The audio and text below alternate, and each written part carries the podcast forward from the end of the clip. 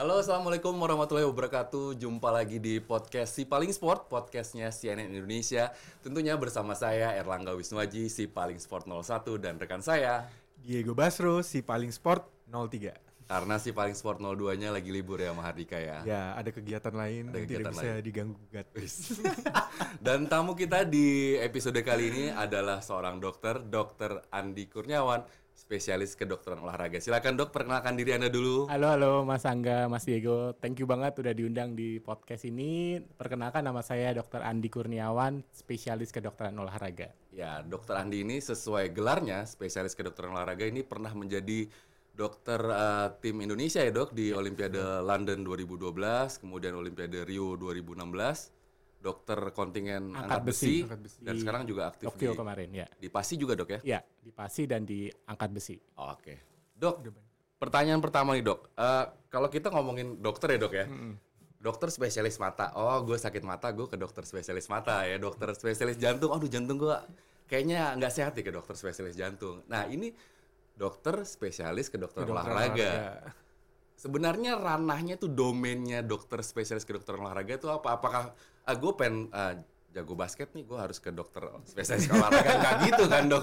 Sebenarnya ranahnya ah, dokter spesialis kedokteran olahraga itu apa sih dok? Mungkin banyak orang yang belum belum familiar gitu kan? Ya, eh, dokter spesialis kedokteran olahraga itu dokter yang bisa em, memperbaiki cara dribble yang baik. Oh enggak, enggak gitu ya. Dilanjutin paling. ya, jadi eh, dokter spesialis kedokteran olahraga itu dokter yang ngobatin masalah kesehatan akibat olahraga atau masalah kesehatan akibat kurang olahraga. Jadi kalau akibat olahraga misalnya cedera, main basket terkilir, ankle sprain, atau sakit pinggang gitu, atau mungkin eh, mengobati masalah eh, kesehatan akibat kurang olahraga, misalnya obesitas atau diabetes atau orang yang sakit jantung pun juga harus berolahraga kan. Cuman olahraga yang tepat buat mereka yang punya masalah kesehatan itu seperti apa? Nah itu juga domainnya dokter spesialis kedokteran olahraga. Kalau pencegahan cedera juga termasuk ya dok ya? Termasuk salah satunya pencegahan cedera gitu. Jadi eh, supaya tidak terjadi cedera atau supaya tidak ter- terjadi sakit tadi ya harus eh, perlu olahraga kan. Makanya semua yang related sama olahraga dan related sama kesehatan itu eh, spesialis kedokteran olahraga. Itu bisa dikonsultasikan ke saya gitu. Berarti kalau ngomongin program latihan misalnya ca- cabang ah, program latihan itu dokter juga ngerti ya. Misalnya untuk mencapai peak performance-nya di mana, program latihannya seperti apa itu menjadi eh, domainnya spesialis kedokteran Iya. olahraga. Eh, ya disclaimer dulu nih. Saya harus ngerti sebagai dokter spesialis kedokteran kedokteran olahraga harus mempelajari itu. Tapi saya bukan bertindak saya terus bisa ngajarin jadi seorang pelatih strength and conditioning coach atau pelatih olahraga enggak. Karena kita mempelajarin itu supaya apa? Supaya kita tahu eh, latihan yang seperti apa yang berisiko cedera gitu. Misalnya saya harus tahu bagaimana cara yang lari yang benar, cara loncat yang benar, bagaimana sih sebuah program latihan untuk eh, sebuah tim basket itu gimana sih gitu supaya nggak cedera dan segala macam saya harus tahu. Cuman eh, jangan berharap atau jangan meminta saya untuk bikinin program latihan karena saya bukan pelatih gitu. Jadi eh, Secara kit- umum lah. secara umum ya kita harus tahu, kita harus mempelajarin karena akan ber- berkaitan dengan risiko cedera dan eh, akan berkaitan juga dengan meningkatkan performa olahraga gitu. Tapi pada prinsipnya kan bagaimana meningkatkan performa olahraga itu kan multidisiplin ya, banyak ilmunya gitu. Artinya kalau di technical meeting itu berarti dokter terlibat juga tuh ya dalam penyusunan eh, program latihan atau sebagainya. Idealnya, Iya sih. idealnya gitu. Idealnya di balik seorang atlet yang hebat itu di belakangnya banyak ahli gitu dan salah satunya mungkin sports medicine ya, kedokteran olahraga gitu. Tapi mungkin ada nutrisi, ada psikologi, ada pelatih fisik, ada pelatih teknik, ada macam-macam kan gitu. Itu udah kalau ngomong idealnya banget Ideal udah kayak di negara maju banget. udah. Tapi dokter awal-awalnya mungkin eh, spesialis kedokteran olahraga ini kan ya sekarang udah mulai rame orang Iya. udah mulai aware Iya, gitu ya. iya. Awalnya dokter tertarik eh, ngambil spesialis eh, ngambil spesialis eh, spesialis kedokteran olahraga ah, itu gimana itu dok? kan biasanya orang beda-beda, ada yang dokter anak, terus Iya. Eh, s- panjang sih, tapi kalau boleh singkat dulu saya pengennya jadi dokter jantung gitu kan. Cuman waktu saya mau ambil spesialis waktu itu harus antri gitu. Harus saya bisa baru bisa masuk itu empat tahun yang akan datang atau tiga tahun lagi gitu. Nah daripada saya nganggur, eh, saya lucu juga nih ya mempelajari bagaimana olahraga yang bagus buat orang sakit jantung. Akhirnya saya ngeliat-liat, oh spesialis kedokteran olahraga cocok juga nih, bagus juga nih gitu. Uh, niat saya adalah, oh ambil spesialis ini dulu deh, nanti baru ambil spesialis jantung gitu. Tapi ternyata semester 1 saya langsung dapat tawaran jadi dokter basket dari dokter basket Satria Muda. Dan ketika saya terjun di situ wah ternyata ini impian saya nih gitu ya. Sesuai passion gitu Sesuai passion gitu. Jadi ya udah deh eh, nggak usah jadi dokter jantung nggak apa-apa ya. Ini juga seru gitu. Batal rencananya, batal Dok, ya? gitu. Tapi kuliahnya lebih gampang apa lebih susah dok bila dibandingkin dengan ngambil spesialis jantung? Soalnya anatominya lebih banyak kan dok yang mesti dipelajarin. Iya sih kalau jantung kan cuma atur Iya. jantung itu doang ya nggak gitu nanti dokter jantung marah-marah itu susah tau. Tapi gini sih eh, ketika kita belajar sesuai passionnya itu akan jadi lebih mudah sih gitu. Eh, keingin tahunya keingin tahuannya gede kan. Waktu itu saya semester 2 belum tahu apa-apa terus udah jadi dokter basket waktu itu saya kasus pertama kali nanganin tuh Yobel Sondak. Anjir nih cederanya apa gitu ya? Gue di depannya Yobel periksa-periksa aja dan segala macam Tapi di belakangnya saya baca buku. Ini cederanya? Nyontek dulu iya. Saya bilangin coach Yobel. gitu waktu itu cedera elbow dia oke. Eh, dan ya eh, apa namanya masih learning by doing ya waktu itu. Tapi ya enjoy jadinya gitu. Jadi eh, akhirnya saya eh, belajar eh, secara otodidak dan langsung pada kasusnya gitu karena kalau belajar buku terus kita nggak pernah megang kasus kan beda Betul, gitu ya betul. itu menariknya sih Mata kuliah apa dok yang paling susah dan paling eh, diingat sama dokter dulu? Eh, yang jelas sih mata kuliah anatomi, fisiologi dan ilmu gerak itu pasti harus menguasai sih gitu. Misalnya cedera siku elbow. Itu gerakannya gimana sih? Bisa lurus bisa nekuk gitu kan. Otot-otot apa yang terlibat? Terus kemudian kalau sakit gerakin gini tuh ototnya apa? Itu kan paling sebenarnya banyak anatominya. Kalau di inget-inget tuh susah kalau dihafalin gitu. Tapi kalau kita sekali dapat kasus langsung oh ini tuh otot ini jadi nggak pernah lupa gitu. Nyantel lagi, nyantel. langsung nyantel gitu. Nah, kita ngomongin ini dok, kayak kalau kita lihat Instagramnya dok Andi ini kemarin juga sempat nonton Indonesia Iya, Argentina ya dok ya. Indonesia Argentina. Nah, Dapat itu tiket dok. Dapat tiket kategori berapa dok? kategori dua belakang gawang. Dan itu tiketnya dari adalah yang ngasih. Sponsor loh sponsor.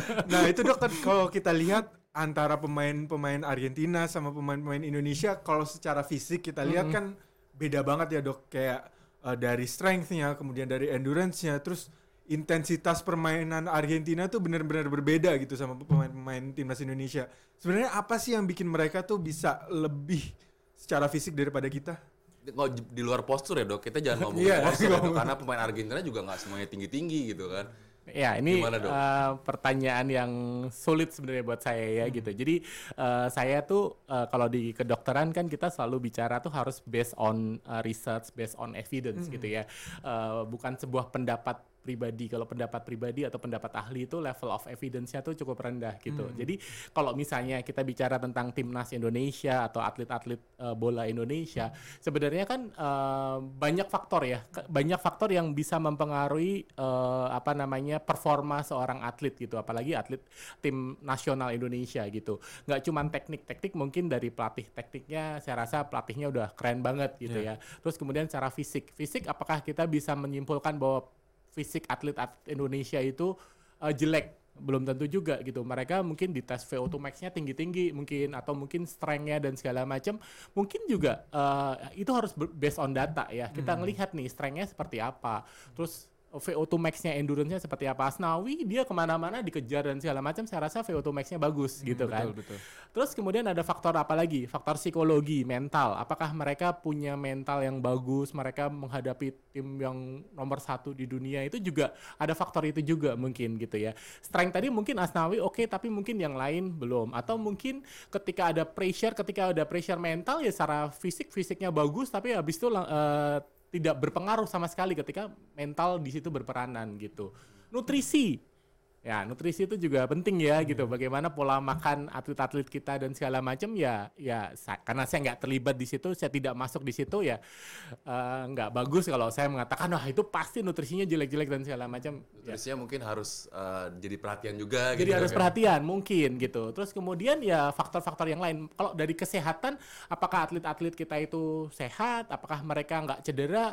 Bisa aja mereka itu sebenarnya cedera, tapi cedera ringan. Terus kemudian ya karena mau main sama Argentina ya, gua nggak nggak rasain itu. Dan saya tutup tutupin bisa aja kan gitu. Jadi banyak faktor gitu. Jadi kalau menurut saya eh itu namanya spot science ya. Kita harus melihat dari berbagai macam eh, Sudut keilmuan pandang sudut ya. pandang keilmuan. Dan memang membuat sebuah eh, performa itu meningkat tuh harus dari berbagai macam sudut pandang gitu harus pada pandang keilmuan gitu. Nggak bisa ujuk-ujuk gitu dok. Harus bikin base-nya dulu habis itu ke berikutnya. Nggak bisa langsung tiba-tiba pengen jadi bangunan yang bagus performance bagus nggak bisa ya kalau kita ngomongin sport science ya Betul, betul. Harus basicnya mulai dari talent identification, dari nutrisi, dari genetik, bahkan sekarang ada ilmu genetik ya gitu.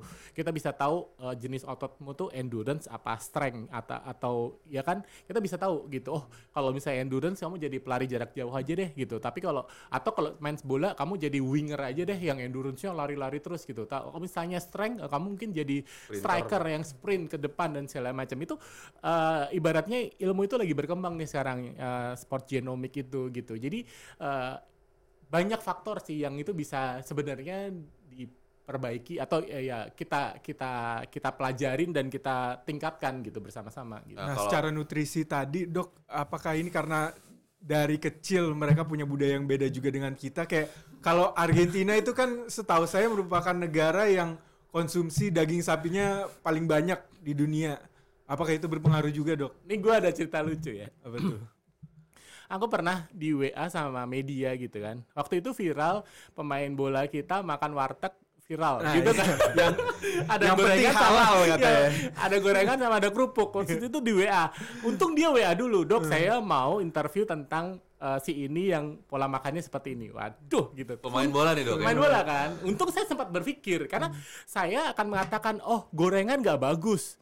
Ntar eh apa namanya dilihat dari sudut pandang yang lain masa orang nggak boleh cheating sih? Itu kan dan segala macam gitu.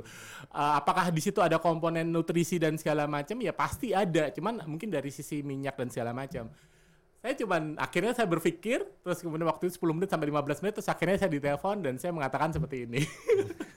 Saya ini true story nih ya gitu ya. Jadi Oke, eh, saya mengatakan itu, dia mengatakan itu sebenarnya pendapat dokter gimana? Oke, kalau menurut pendapat saya, kalau kita bicara tentang misalnya atlet elit dunia lah yang performance-nya bagus, saya nggak sebut nama, dia itu pasti akan masukkan sesuatu ke dalam tubuhnya dia atau dia akan menganggap tubuhnya dia itu akan menjadi sebuah aset.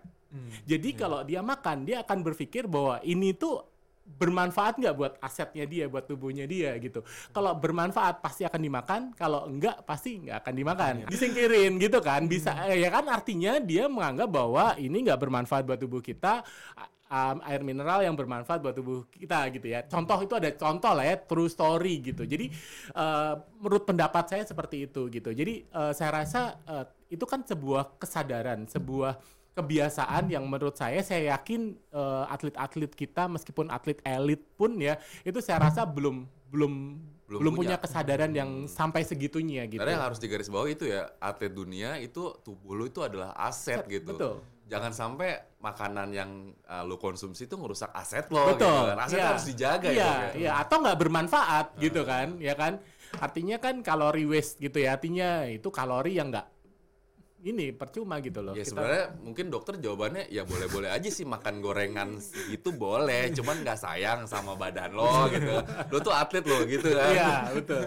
kan itu kan ranahnya dokter gizi ya. Dokter gizi ya akan menceritakan tentang oh ini komponennya nggak bagus nih dan segala macam. Karena saya dokter spesialis kedokteran olahraga, saya melihat dari sudut pandang itu gitu. Jadi eh, bagus atau tidaknya ya harus benar-benar dilihat dari sudut pandang itu gitu. Nah Kalau berarti saya. kita ngobrolnya uh, sesuai dengan keahliannya dokter Andi nih, spesialis kedokteran olahraga. Kalau dokter Andi kan nggak megang timnas sepak bola kan, Iya, jadi kalau ditanya mungkin jawabannya secara umum aja. Iya. Tapi dokter kan tadi sesuai uh, pengakuannya dokter dan emang bener kan dok, dokter tim uh, di Olimpiade tim Indonesia di London 2012 dan Rio 2016 ada dokter di kontingen angkat besi Besi, juga. iya.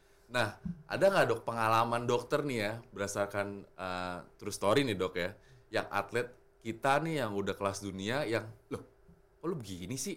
Ini kan mestinya dari buku-buku yang gue pelajarin dulu waktu kuliah nih, lu nggak boleh gini mestinya nih gitu. Ada nggak dok misalnya nih ya cedera gitu, orang kan Iya, kita tahu lah eh, cedera nih kadang-kadang bahkan atlet pun cedera dikit diurut gitu kan. Padahal kan sebenarnya menurut eh, keilmuan boleh diurut kan dok ya. Itu ada masih ada nggak sih kejadian di atlet kita berdasarkan pengalaman dokter jadi dokter tim Indonesia nih di dua Olimpiade gitu London dan Rio. Ada nggak dok cerita-cerita lucu yang cerita yang kita yang dokter sampai geleng-geleng gitu aduh gitu. Ada nggak dok? Iya, jelas banyak ya. Kalau boleh jujur, ini, ini di podcast ini saya berusaha jujur ya, terbuka, supaya demi demi uh, yang mendengarkan bisa bisa tahu ya gitu. Jelas ada sih dan uh, apa namanya uh, apa ya common common uh, condition seperti itu itu banyak sih atlet-atlet kita yang sebenarnya udah levelnya elit atlet tapi kalau cedera itu masih cari orang pinter pada jadi saya dianggap kurang pinter sebenarnya dokter, Dokter itu kurang pinter dokter. Susah-susah loh kuliahnya. gitu. Terus kemudian tapi kalau udah nggak berhasil baru datang ke saya gitu loh. Jadi eh, saya taunya seperti itu. Tapi ya saya eh, co- mencoba untuk kasih tahu ya harusnya dari awal tuh seperti ini. Jadi kan artinya dia tuh wasting time kan gitu. Maksudnya kalau atlet itu kalau cedera itu kan eh, sesuai dengan nature competitive nature kan dia harus segera back to sport ya. Itu yang menjadi eh, menjadi apa ya menjadi goalnya kita tuh harusnya gitu. Sehingga eh, menurut saya pertama kali itu diagnosis tuh harus tepat gitu loh. Jadi kalau jadi atlet itu kalau cedera itu harus lu harus cari tahu sebenarnya kan aset ya. Ini tubuh gua aset. Kalau gua ada sakit di sini harus segera cari tahu nih sakitnya kenapa ya. Jadi ketika diagnosisnya udah tegak, maka bagaimana proses rehabilitasinya, bagaimana proses pemulihannya itu akan lebih cepat kan gitu. Itu yang pertama. Terus kemudian yang kedua, pemulihan pertama kali penanganan pertama itu juga yang harus dilakukan gitu. Nah, kadang-kadang atlet itu eh, kalau kita ngelihat pemain NBA em, mau habis latihan, mau habis tanding dia kompres es, kompres dingin gitu ya. Namanya kompres esnya dia atlet kita tuh jarang males gitu ya Oh, itu perlu ya dok ya? perlu banget gitu ya. Artinya eh, itu salah satu penanganan atau bahkan mungkin pencegahan ya supaya nggak terjadi cedera berlarut gitu ya. Kalau lagi nggak dia mungkin nggak sampai cedera dia lututnya agak-agak nggak enak nggak enak terus dia kompres dingin itu kan bagus ya. Artinya ketika dia loncat, ketika dia lari itu ada inflamasi, ada peradangan di lututnya dan dia kompres tuh peradangan atau inflamasinya hilang gitu. Jadi eh, hal-hal yang seperti itu tuh saya rasa tuh masih menjadi tantangan dan buat saya tuh masih harus eh, memberikan edukasi, Edukasi. kepada atlet-atlet kita sih. Gak cuman atlet sebenarnya semua stakeholder olahraga. Karena ketika atlet cedera sebenarnya jangan disalahkan eh, atletnya doang sih. Sebenarnya tuh faktornya banyak. Atlet itu kalau cedera itu kayak naik roller coaster. Kadang-kadang dia sedih, kadang-kadang dia optimis, dia kuat waktu ketemu sama orang yang itu, wah, gue pasti sembuh. Tapi kalau dia baca, dia tanya sama orang, wah kayak gue pernah cedera kayak gitu, kayaknya lama deh. Lo kayaknya harus dioperasi deh, lo kayaknya habis itu pensiun deh dan segala macam. Jadi dia tuh secara mental kayak naik roller coaster deh gitu. Jadi dia tuh harus ketemu sama orang yang tepat, dia harus ketemu sama eh, dia disupport sama pelatihnya, sama eh, orang tuanya, sama manajemennya gitu ya, PB-nya untuk dia tuh bisa bangkit, Bangkit gitu lagi, loh. ya. Itu yang yang paling penting sebenarnya. Jadi ketika pelatihnya nggak dukung atau pelatihnya cuman bilang ah itu sakit tuh cuman di otak kamu doang gitu. Padahal gitu. sakit beneran. sakit beneran gitu. Jadi eh, ya Itu sering tuh dengar kayak gitu. jadi ini true story ya gitu. Jadi makanya sebenarnya ya eh, saya nggak bisa nyalain atletnya aja sih. Jadi kita memang harus perlu sih. Kalau menurut saya eh, penerapan multidisiplin sport science di Indonesia ini menjadi sebuah tantangan sih gitu. Jadi Tapi- banyak juga ya dok yang uh, akhirnya recovery-nya nggak uh, dengan bagus dilewatin karena mental block itu ya dok. Betul, karena ya karena tadi ya, karena dia pertama dia tidak tahu harus eh, ke mana, terus kemudian yang kedua ya tadi karena tadi dia udah udah stres duluan, dia udah bingung duluan dan nggak ada yang mendukung dia gitu. Itu yang menurut saya eh, eh, perlu diperlukan oleh atlet kita gitu. Karena kalau atlet kita jadi atlet tuh nggak terlepas dari cedera deh. Tapi kalau ngomongin cedera kan salah satu cedera yang paling apa ya bikin eh, karir seorang atlet eh, selesai tuh lutut ya dok ya bener ya dok ya. Karena Iya. kalau kita cedera lutut lah apa ACL-nya putus atau eh, meniskusnya tir apa gitu kan salah satu opsinya adalah eh, operasi Pasti, dok ya. iya. Dan kalau ngomongin eh, operasi di terutama di lutut, operasi tuh nggak bukan eh, bukan abis itu selesai kan, lo harus ada rehab lagi, penguatan segala macam. Iya. Yang itu makan waktu juga kan dok. Betul. Nah itu gimana dok kesadaran atlet kita gitu? Kalau kita ngeliat di luar negeri gini ya, eh, siapa yang terakhir? Eh, Jamal Murray pemain Denver Nuggets. Iya. Tahun lalu dia cedera ACL putus, setahun dia bener-bener nggak main, tapi eh, dengan operasi dan rehab yang yang top dia bisa balik lagi dan bisa balik ke performance yang yang uh, paling tingginya dia sampai di akhirnya juara gitu kan Ya. itu kan butuh kemauan dan dan apa ya dan uh, Kesadaran. kesadaran nah Iya. itu kalau di atlet kita gimana sih karena kalau saya lihat beberapa atlet kita yang cedera lutut operasi udah aja gitu abis hilang gitu itu sebenarnya faktor apa dok kalau dari pengalaman dokter kan beberapa atlet yang cedera lutut dan operasi juga sama dokter Andi pernah Ya. juga kan Ya. konsul Ya, makanya tuh faktornya tuh kompleks ya. Tadi nggak cuma atlet. Kadang-kadang yang eh, kita jangan eh, kadang-kadang bukan atletnya gitu. Atletnya sih pasti pengen dia sembuh dan dia kembali lagi dan juara lagi gitu. Saya selalu mencontohkan itu selain eh, Jamal Murray tadi adalah eh, atlet tenis ya. Djokovic, Nadal sama Federer. Itu tuh kalau cedera dia mendingan resign, dia nggak ikut tapi balik lagi langsung juara lagi, langsung kayak berlomba-lomba Grand Slam terus kan gitu. Dan dia dia selalu berani ambil keputusan itu. Nah, berani ngambil keputusan untuk saya nggak tanding dulu di sini, saya pemulihan dulu itu yang masih menjadi challenge sampai sekarang. Dan atlet bisa mengambil keputusan itu ketika dia didukung sama di belakang orang di sekitarnya dia, pelatihnya, manajemen dan orang tuanya dia dan segala macam. Itu yang menjadi tantangan. Itu yang pertama. Terus kemudian yang kedua, ke- eh, proses rehab itu sebenarnya atau proses pemulihan itu kan eh, harus disadari bahwa kita tuh pulih tuh bukan pain painnya hilang ya. Kalau painnya hilang dikasih obat selesai gitu. kasih painkiller ya Kasih painkiller gitu. Hasilnya kayak makan painkiller kayak makan permen gitu ya. Bahwa itu eh, recovery itu harus ada empat. Pertama recovery dari anatominya. Tadi kalau ACL-nya robek, kalau harus dioperasi ya dioperasi. Kalau memang ACL-nya robeknya sebagian dan lututnya masih stabil nggak perlu dioperasi ya nggak nggak perlu dioperasi gitu ya kan? Terus kemudian back to performance. Artinya nggak eh, secara misalnya tadi secara anatomical udah bagus udah dioperasi tapi kan dia harus back to performance. Eh, sorry back to functional. Ototnya udah kuat lagi ototnya kembali kuat lagi gitu. Jadi harus pemulihan di situ terus kemudian back to performance. Artinya kalau dulu dia ngegolin 10 ya sekarang dia balik harus bisa ngegolin 10 jangan cuman nggak bisa ngegolin sekarang. Sama uh, recovery from risk of injury jadi proses recovery itu harus benar-benar dilakukan sehingga risiko cedera lagi di kemudian hari itu kecil gitu loh nah itu proses pemulihan yang menurut saya cukup panjang. Tapi sebenarnya nggak semua cedera itu prosesnya panjang. Ada yang cuma dua minggu, ada yang tiga minggu, ada empat minggu. Tapi faktor itu tuh semuanya harus dilakukan gitu. Sehingga atlet itu eh, nggak cedera lagi. Karena resiko cedera yang terbesar itu adalah cedera sebelumnya yang tidak tertangani dengan baik.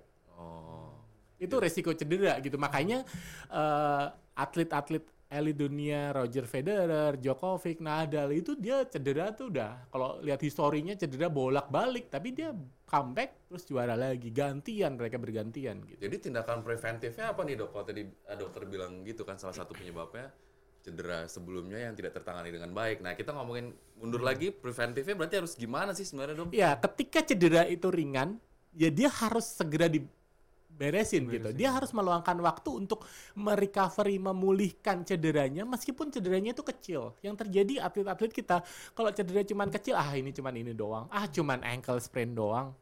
ah cuman itu, ini doang. Padahal itu bisa memicu cedera lain yang Betul. lebih berat ya dok. ya? Betul, gitu. Yang itu yang hal simple yang eh, saya selalu nggak nggak bosen-bosen untuk mengedukasi itu gitu.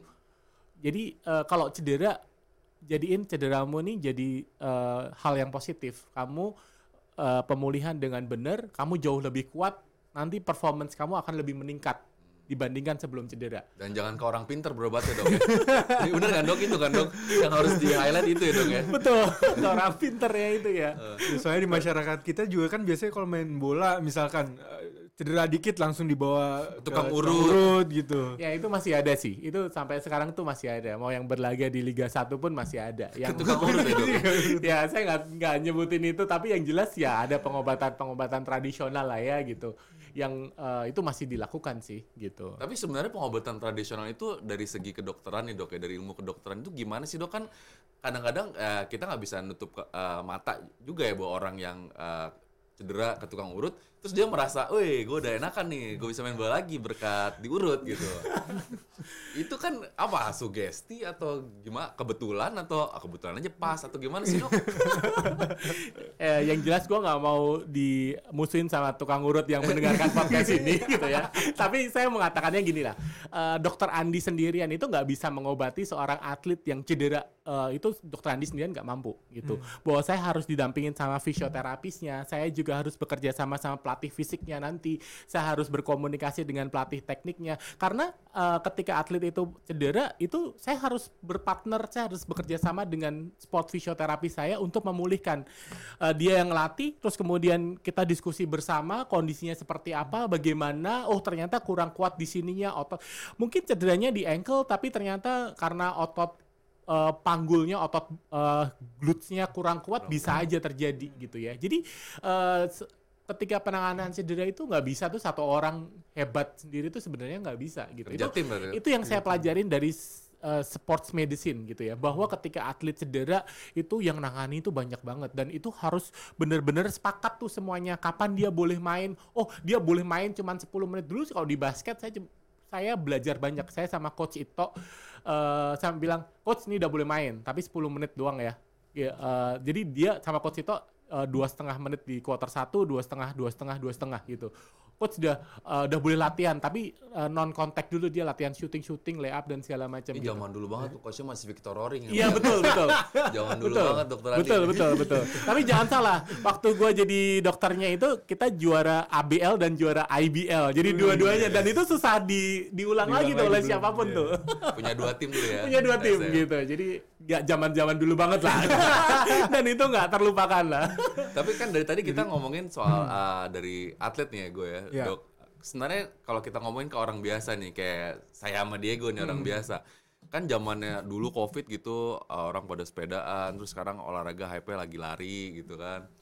Ya olahraga tenis gitu. Iya. Nah kita ngomongin ke untuk orang yang bias, orang biasa-biasa aja nih dok, non atlet nih. Sebenarnya yang harus diperhatiin nih dok, kalau untuk berolahraga apa sih kan kadang-kadang zamannya so, apalagi zamannya sosmed ya dok ya. Sekarang kan banyak tuh influencer-influencer yang wah posting flexing di olahraga, lari sekian kilo, pace segini, eh, dibilang run padahal heart rate-nya Ngap-ngapan. melonjak gitu kan. Sebenarnya harus diperhatiin apa sih dok? Tadi mungkin dokter mungkin belum belum uh, menyinggung soal uh, stretching dan cooling down Iya, itu kan penting ya. juga kan. Itu kadang-kadang yang dilupakan kan dok. Kalau untuk non atlet gimana dok yang harus Iya. diperhatiin? kalau gue boleh curhat ya, gue Ya. jadi dokter spesialis kedokteran olahraga itu gue uh, conflict of interest dan gue kadang-kadang gue di kok pelin-plan ya gitu. Kadang-kadang gini, kenapa? Karena gue itu mengajak orang atau menganjurkan orang untuk berolahraga. Tapi di satu sisi gue tuh harus mengerem orang itu lu jangan olahraganya jangan kenceng-kenceng dong lu lagi cedera gitu.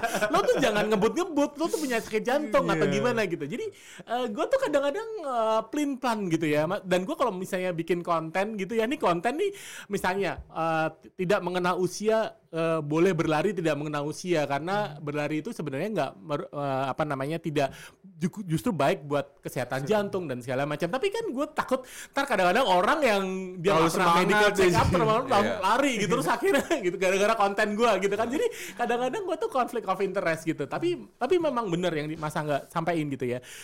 Eh, semenjak covid ini itu banyak orang yang eh, rajin berolahraga. Salah satu sisi positif eh, COVID adalah kita jadi tahu bahwa pentingnya berolahraga, kita jadi tahu pentingnya sinar matahari, vitamin D itu kita jadi tahu. Makan vitamin tuh kita jadi tahu ya kan. Sebelumnya nggak tahu loh gitu. Tapi yang menarik adalah eh, saya kemarin baca jurnal eh, 30% orang itu berolahraga lari atau rajin berolahraga setelah COVID.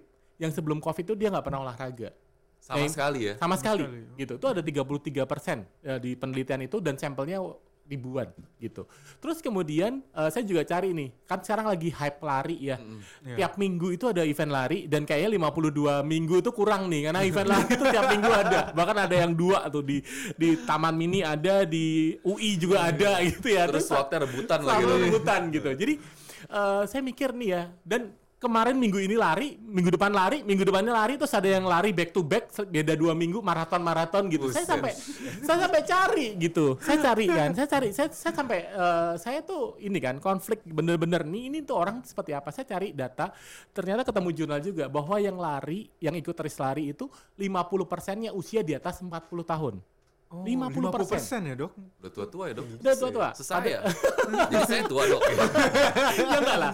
Ya, ketika kita bicara 40 tahun itu medical check up tuh harus rutin dan segala macam. Nah, pertanyaan saya mereka tuh rutin medical check up nggak sih? Itu satu. Terus kemudian yang kedua, oke, mungkin dia sebelum COVID dia sehat, dia lari, pace-nya segitu. Tapi selama COVID dia kena COVID berapa kali? Sekali, dua kali, tiga kali atau berapa kali kita nggak tahu. Dan COVID itu mempengaruhi kan eh, kolesterol, mempengaruhi eh, fungsi jantung dan segala macam. Nah, mereka tuh ngelihat lagi nggak sih? Nah, ada nggak ada orang yang memaksakan, oh gua nih masih kayak sebelum COVID nih gitu. Jadi COVID itu kan merubah merubah atau kadang-kadang em, banyak yang eh, kesehatannya kondisi kesehatannya berubah gitu. Jadi saya itu juga eh, tadi sih konflik tadi di dalam hati saya ini tuh pengen mengedukasi masyarakat cara lari yang benar. Terus kemudian itu tuh saya juga pingin banget gitu. Makanya kalau diundang podcast kayak gini saya seneng. gitu.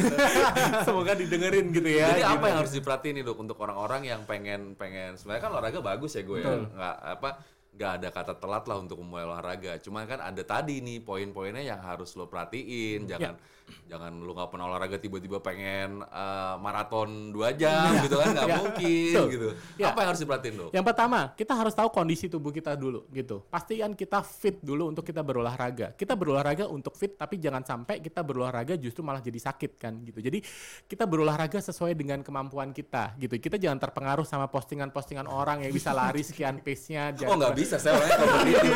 Nggak bisa, saya kompetitif. ya udah, Anda akan menjadi pasien saya. ya. Justru bagus ya dok ya? ya kan karena cedera, cedera atau masalah kesehatan itu timbul ketika bebannya melebihi dari kapasitasnya. Jadi kapasitasnya dia masih sini, bebannya segini. Ini bebannya beban orang lain. Kalau- Kalau dia masih muda kayaknya dia kenceng banget. Eh, dia masih dia umurnya di atas saya tapi kenceng. Saya masih lebih muda, pasti saya bisa. Belum tentu gitu. Tentu ya, dia Dok, ya. latihannya seperti apa. Jadi harus tahu kondisinya tuh yang pertama. Terus kemudian yang kedua ya semuanya harus bertahap ya. Dari nol dulu. Misalnya nggak pernah olahraga tadi yang sebelum covid nggak pernah olahraga ya dari 10 menit dulu, ringan dulu, pelan dulu, jogging dulu, baru lari gitu. Nah yang ada sekarang ini ya belum pernah lari tiba-tiba langsung 10 kilo. Terus baru 10 kilo sekali langsung dua half marathon terus besok langsung ini gitu. Jadi too much, too soon, too fast itu yang menjadi masalah gitu. Itu Yang biasanya ujung-ujungnya cedera ya dok ya. ujung-ujungnya cedera. Iya. Jadi itu yang harus diperhatiin tuh gue lu. Nah kalau saya pernah baca kan dok, kalau penanganan pertama pada cedera itu kan ada metode namanya RISE. Kalau sekarang tuh udah berkembang lagi atau memang itu yang harus dilakukan ketika pertama kali cedera? Rise, rise itu R-nya Rest. rest, A, A- I-nya I-nya ice. ice, icing ya di ya ice ya. C-nya compression, Compress, E-nya elevation elevate. gitu. Eh sebenarnya banyak jurnal yang mengatakan rice itu sudah tidak efektif. Sekarang adanya pitch and love gitu. Pitch and love saya lupa.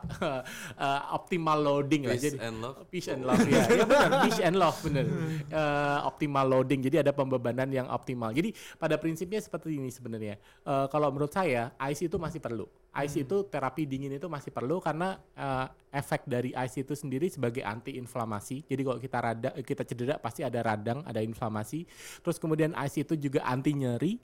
Terus kemudian ice itu juga bersifat vasokonstriksi. Jadi kalau ada perdarahan atau ada bengkak itu bengkaknya cepat hilang, gitu, cepat berkurang. Jadi kalau atlet atau eh, sport antusias ya dia bagaimana caranya eh, fase akutnya, bengkaknya, nyerinya itu cepat cepat hilang. Hilang dulu ya, Kalau dok, cepat ya. hilang berarti kan proses recovery-nya lebih cepat. Habis itu kita tinggal latihan penguatan terus kemudian dia bisa berlari lagi gitu.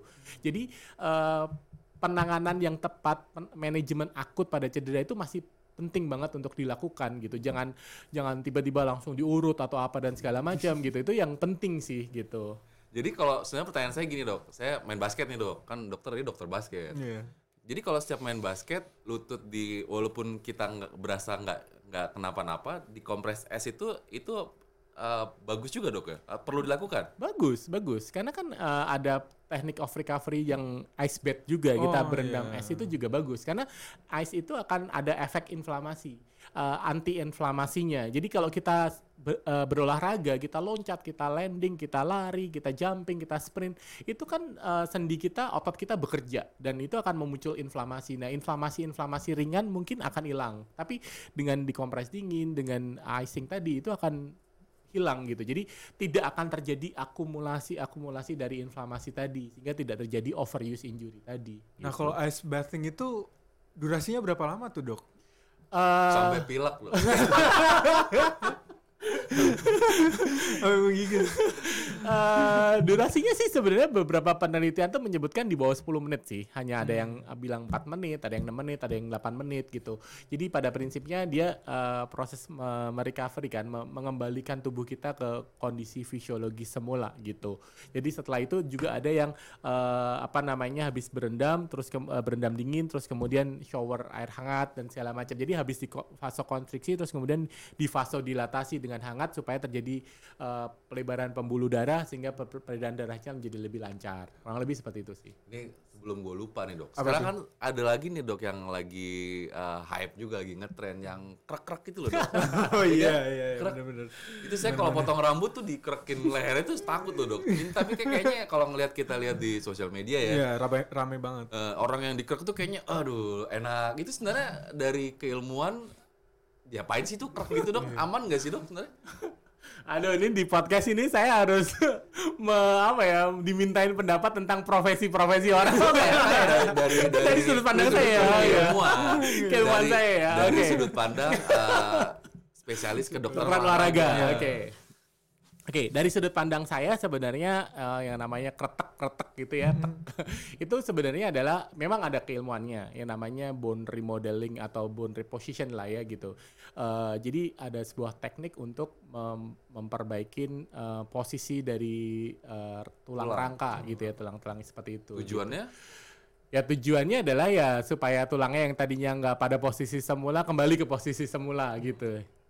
Cuman kan gini, kalau kita punya sakit nih, sakit pinggang atau sakit leher gitu, yang terjadi kan itu bukan bukan cuman tulang gitu. Yang pertama kita harus cari tahu ini penyebabnya di mana. Di situ ada otot, di situ ada sendi, di situ ada tulang gitu. Ada saraf Banyak- juga ya. Ada saraf ya? juga. banyak faktornya gitu. Betul. Yang paling penting adalah tadi penegakan diagnosis dulu.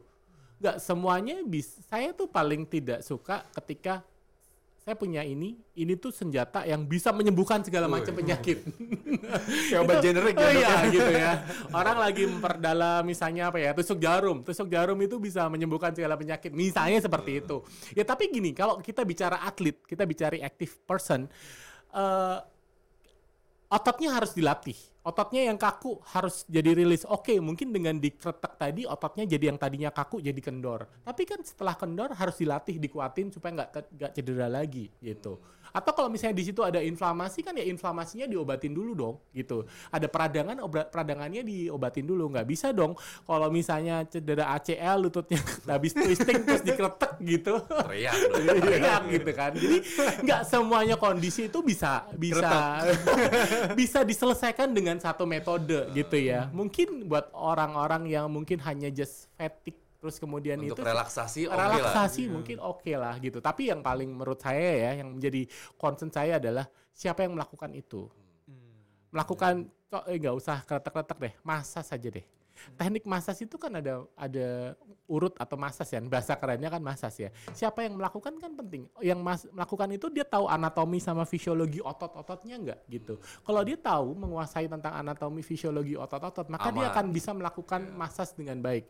Oh, otot yang ini nih kaku nih. Kalau otot di sininya kaku berarti otot di sininya lemah atau mungkin ada ada ada kaitan-kaitan yang karena tubuh kita tuh nyambung kan dari bawah sampai atas tuh nyambung semua gitu. Jadi siapa yang melakukan itu juga harus menjadi menjadi concernnya kita gitu. Jadi makanya jangan sampai eh, kita dilakukan atau eh, mau dilakukan oleh mereka yang nggak punya, gitu iya ya. semua orang. Jadi kalau mau di terapi kretek-kretek itu tanya dulu, certified nggak lu? oh ini pak sertifikasi. Oh iya oke. boleh, Oke, oke. Tapi kalau eh, ngomongin olahraga ini kan juga banyak mitos-mitos ya gue ya Betul. di dunia olahraga yang kadang-kadang ini bener gak sih gitu. Kalau kadang-kadang saya kalau misalnya lari di GBK gitu dok ya ngelihat orang pak lari siang-siang, gila panas banget tuh siang-siang jam 11 pakai jaket apa tuh? Parasut. Parasut. Iya, jaket kadang-kadang malah ada yang pakai plastik sampah tuh ini. Iya kan beneran loh, plastik sampah yang hitam tuh yang gede. Itu pakai lari pakai itu. Saya ngeliatnya buset, gue yang lihat aja gerah gimana lo. Itu sebenarnya apa sih fungsinya, Dok? Emang bermanfaat bener pakai jaket gitu gitu. Sema- ah, buat apa sih sebenarnya? Ini Saya nanya ke orang yang ngerti kan, Iya, dokter. Dia pasti iya. ngerti. belajar Iya, ya. ya mereka tujuannya pasti ingin menurunkan berat badan tuh pasti, gitu Oh. kan. Pakai jaket itu. Iya, tujuannya pasti menurunkan berat badan karena dengan menggunakan jaket, dengan jaket parasut atau mungkin plastik yang berwarna hitam yang menyerap panas, itu akan tubuhnya akan berkeringat lebih banyak gitu. Saya lari biasanya keringatnya udah lebay. dok. ya makanya that's why gitu ya makanya eh, kadang-kadang banyak yang salah kaprah di situ ya gitu tujuannya adalah menurunkan berat badan gitu dan menurunkan berat badan dengan seperti itu ya eh, yang hilang itu adalah cairan tubuhnya yang hilang which is yang akan terjadi resikonya adalah dehidrasi, Dehidrasi, dan ya. itu justru malah berbahaya gitu loh jadi Jadi yang bener jadi yang bener ya, justru kalau kita lari itu harus pakai pakaian yang seringan mungkin, seminimal mungkin. Apalagi sekarang lagi ada perubahan cuaca, kita menjadi lebih panas. Olimpiade Tokyo kemarin tuh Olimpiade terpanas ya, yang sepanjang sejarah gitu. Bahkan eh, ternyata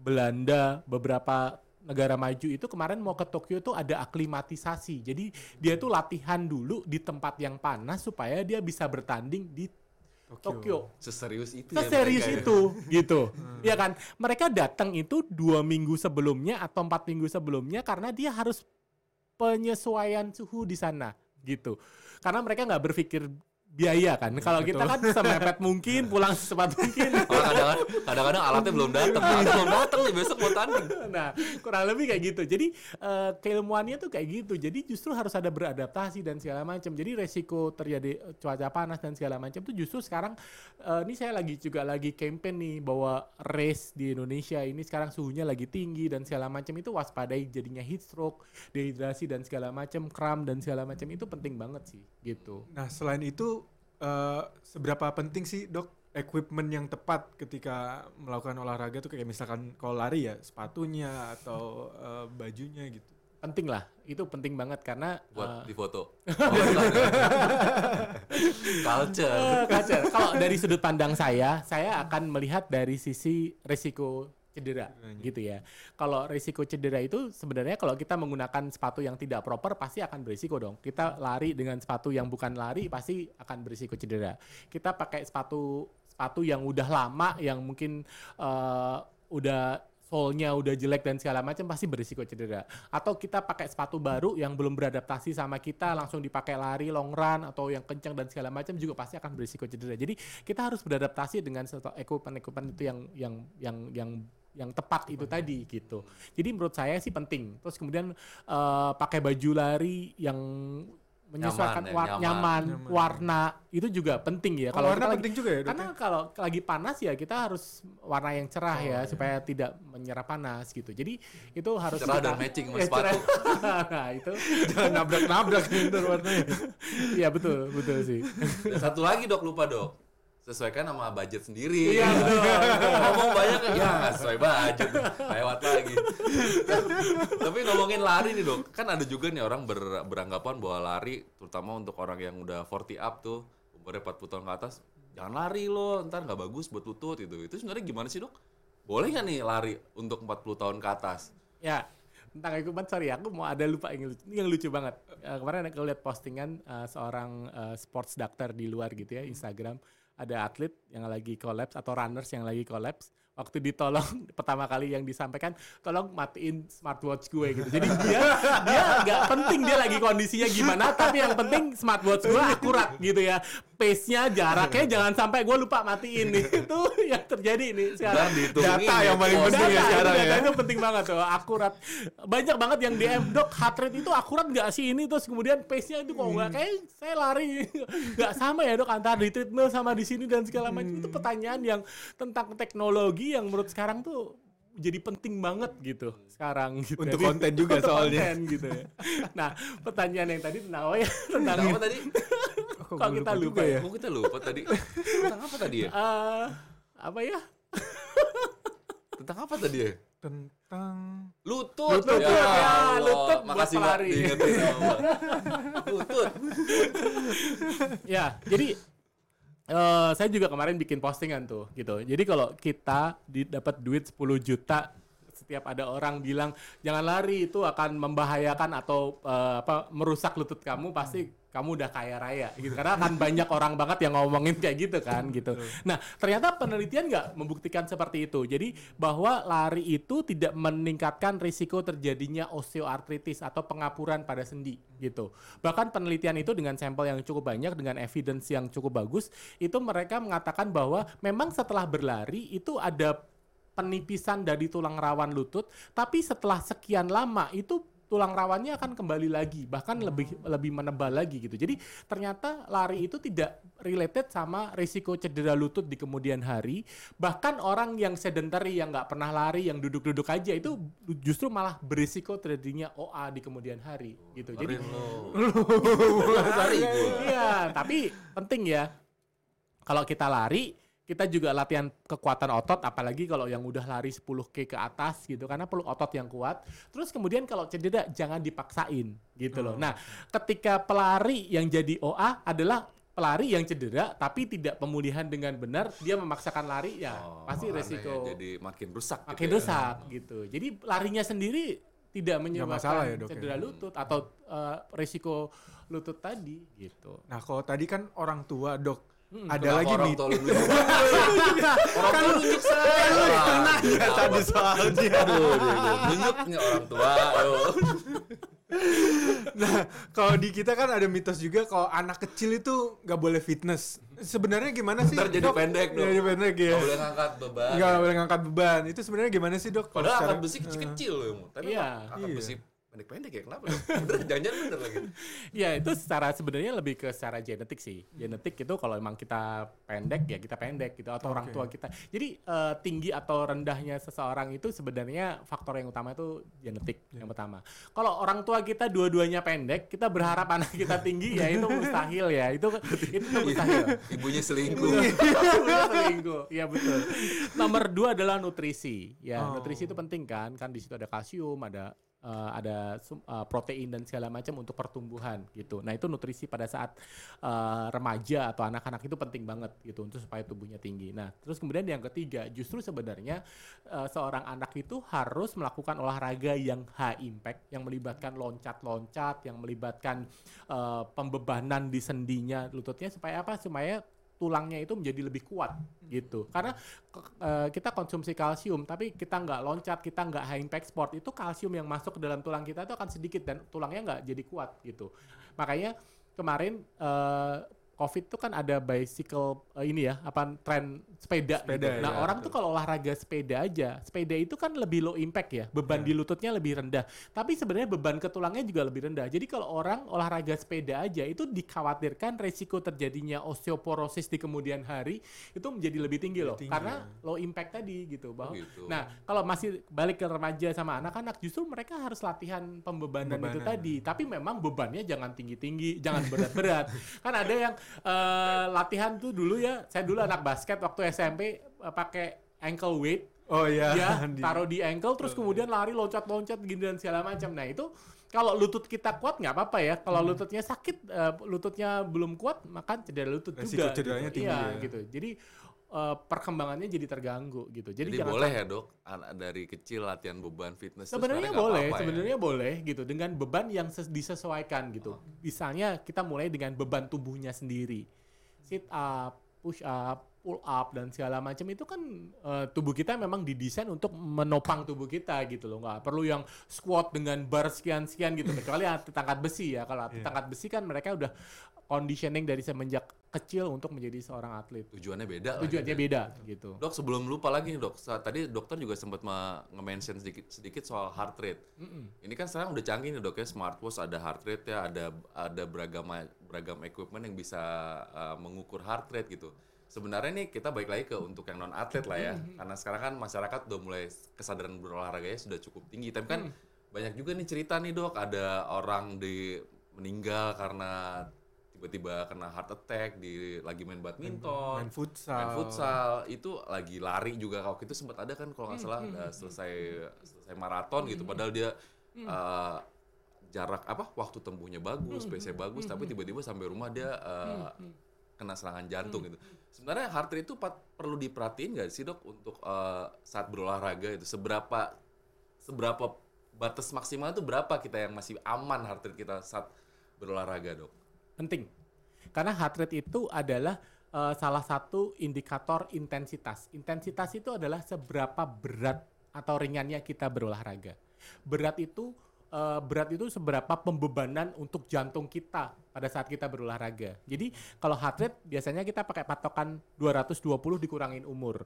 Jadi kalau Mas Angga umurnya 20 gitu ya. Biar gampang, biar gampang. 220 kurangin 20 kan 200. Banyak juga diskonnya. Nah, 200 itu adalah heart rate maksimalnya 100% gitu. Nah, yang la- yang latihan di 90 sampai 100% atau 85 sampai 100% itu hanya untuk atlet sebenarnya atau hanya untuk orang yang terlatih. Jadi untuk kita yang uh, belum terbiasa olahraga atau yang kita baru kemarin atau baru setahun berolahraga itu targetnya sebenarnya cukup di 60 sampai 80% Dari maksimal heart dari rate. maksimum heart rate-nya gitu. Kalau kita latihan di situ di ras- ratio 60 sampai 80%, percaya nggak akan meninggal kalau kita berolahraga. Karena yang meninggal adalah pada saat kita nge-push itu loh. Pada Lebih jadi bukan limit itu. sepedanya yang menyebabkan meninggal, tapi ngebutnya sama nanjaknya itu loh yang Ah. yang memaksakan gitu. Jadi intensitasnya itu yang sebenarnya harus diperhatikan gitu. Dan percaya atau nggak percaya, sebenarnya kalau kita bicara intensitas, 80% program latihan kita itu biasanya harusnya ada ada rules of 80-20. 80 persennya itu adalah ringan. Jadi kayak Kipchoge gitu ya. Itu tuh program latihannya itu 80 persennya easy run. Easy Kan- iya, dia, easy iya. runnya dia loh dok. Betul, iya, isian, Perlu isiannya digarisbawahin dia, tuh ya. iya, isiannya dia. Ya kalau dia kan dia lari pace 6 atau pace 5 itu mungkin heart rate-nya 60% Iya. gitu. Oh kalau dia lari pace 6 mungkin ketiduran kali dok. Beneran gitu. Pace 5 itu mungkin 60%. Nah, Mas Angga ini latihannya 80 persennya hard, apa is, gak easy dia yang easy cuma 20 persen kalau Mas Angga Kebalik, kebalik. gitu nah kebanyakan kita tuh kayak gitu karena karena pengen posting karena pengen apa bikin And konten quote-nya over the iya. limit gitu ya. akhirnya akhirnya tuh kita eh, lari itu kalau lihat jam tuh zone 3 4 terus 45 terus gitu loh padahal Hmm. sebenarnya yang 80 persennya tuh zone 2 zone 2 zone 3 gitu. Itu yang yang harus eh, apa namanya dilakukan. Kenapa? Karena kalau kita latihan 80% intensitasnya ringan atau sedang itu tuh pertama kita nggak mudah capek kita nggak mudah cedera. Terus kemudian justru kebugaran kita akan meningkat dengan kita latihan di situ. Hmm. gitu. Kita harus main di durasi gitu. Kadang-kadang kita tuh pengennya interval kita pengennya tempo kita pengennya yang lari-lari tuh yang yang kenceng-kenceng gitu yang speed speed run speed training dan segala macam yang kurang lebih seperti itu jadi ngomongin heart rate tuh penting banget sih gitu Jadi biarin aja dikatain di sosmed pace keong yang penting endurance bagus dan Betul. selamat ya dok Iya. dan dapet sehatnya. Iya, karena karena yang eh, kita nggak boleh berkompetisi dengan orang lain, tapi kita harus berkompetisi dengan diri kita sendiri. Kita harus jadi lebih baik daripada kemarin aja itu udah cukup gitu loh. Kipchoge aja eh, personal base-nya cuma satu menit kan, nggak nyampe satu menit dari dua Dok, dua jam dok, satu menit. Lu, kan. lu ngebandingin sama Kipchoge gila. Dia maraton kita dua tuh jam. makanya kita tuh personal base itu satu menit aja udah cukup gitu loh nggak usah yang gimana gimana tadinya lima jam eh, tadinya enam jam jadi lima lima jam 59 kan Oh, cukup udah ya bagus udah bagus udah nggak usah bagus. jadi enam jam terus jadi lima tiga puluh atau lima ya kan nggak masuk akal gitu maksudnya Benchmarknya Kipchoge. Iya. loh. nggak sebagai contoh aja gitu loh jadi sebagai contoh gitu loh karena ya mengedukasi para runners yang ambi-ambi itu nggak mudah itu menjadi tantangan buat saya sih Dan kondisi tubuh kita juga naik turun juga kan dok dari Betul, hari ke betul, hari. betul kalau atlet kan pagi siang sore latihan tidur latihan istirahat latihan istirahat ya kalau kita kan kerja kita stres kita punya bos dimarahin sama bos kita punya keluarga belum marah sama istri dan Iya. segala macam itu kan mempengaruhi ya gitu Jadi larinya pelarian dok. Itu pelari. Bete di kantor iya, ya. itu kan mempengaruhi itu mempengaruhi semua gitu jadi kita tuh eh, harus memperhatikan itu semua gitu Tapi yang harus eh, yang kita sepakat bahwa olahraga itu penting ya dok ya. penting ya Cuman ya itu harus kenali kemampuan tubuh diri Betul. sendiri, jangan terpengaruh orang. betul Dan konsultasi kalau ada cedera. jangan ke orang pinter, karena dokter juga pinter. gitu. Jelas lagi ada sertifikatnya. Kayaknya kita udah ngobrol hampir sejam nih dok ya. Terima kasih banyak. Sama-sama. eh, Terima kasih banyak, Andi Dokter sudah meluangkan waktunya datang di podcast si paling sport. Semoga viral ya podcast ini karena banyak konten yang bagus-bagus kan. Amin, amin, Pertanyaan-pertanyaan gitu. Jadi edukasi buat semua. Oke, terima kasih atas waktunya Dokter Andi. Sampai ketemu lagi. Iya, sama-sama. Thank you, Dok. Itu tadi podcast si paling sport, podcast CNN Indonesia yang kali ini mengundang Dokter Andi Kurniawan. Semoga informasi yang diberikan Dokter Andi dapat bermanfaat buat kita semua. Sampai jumpa. Sampai jumpa. belakangnya sejam ya. Iya, gak kerasa.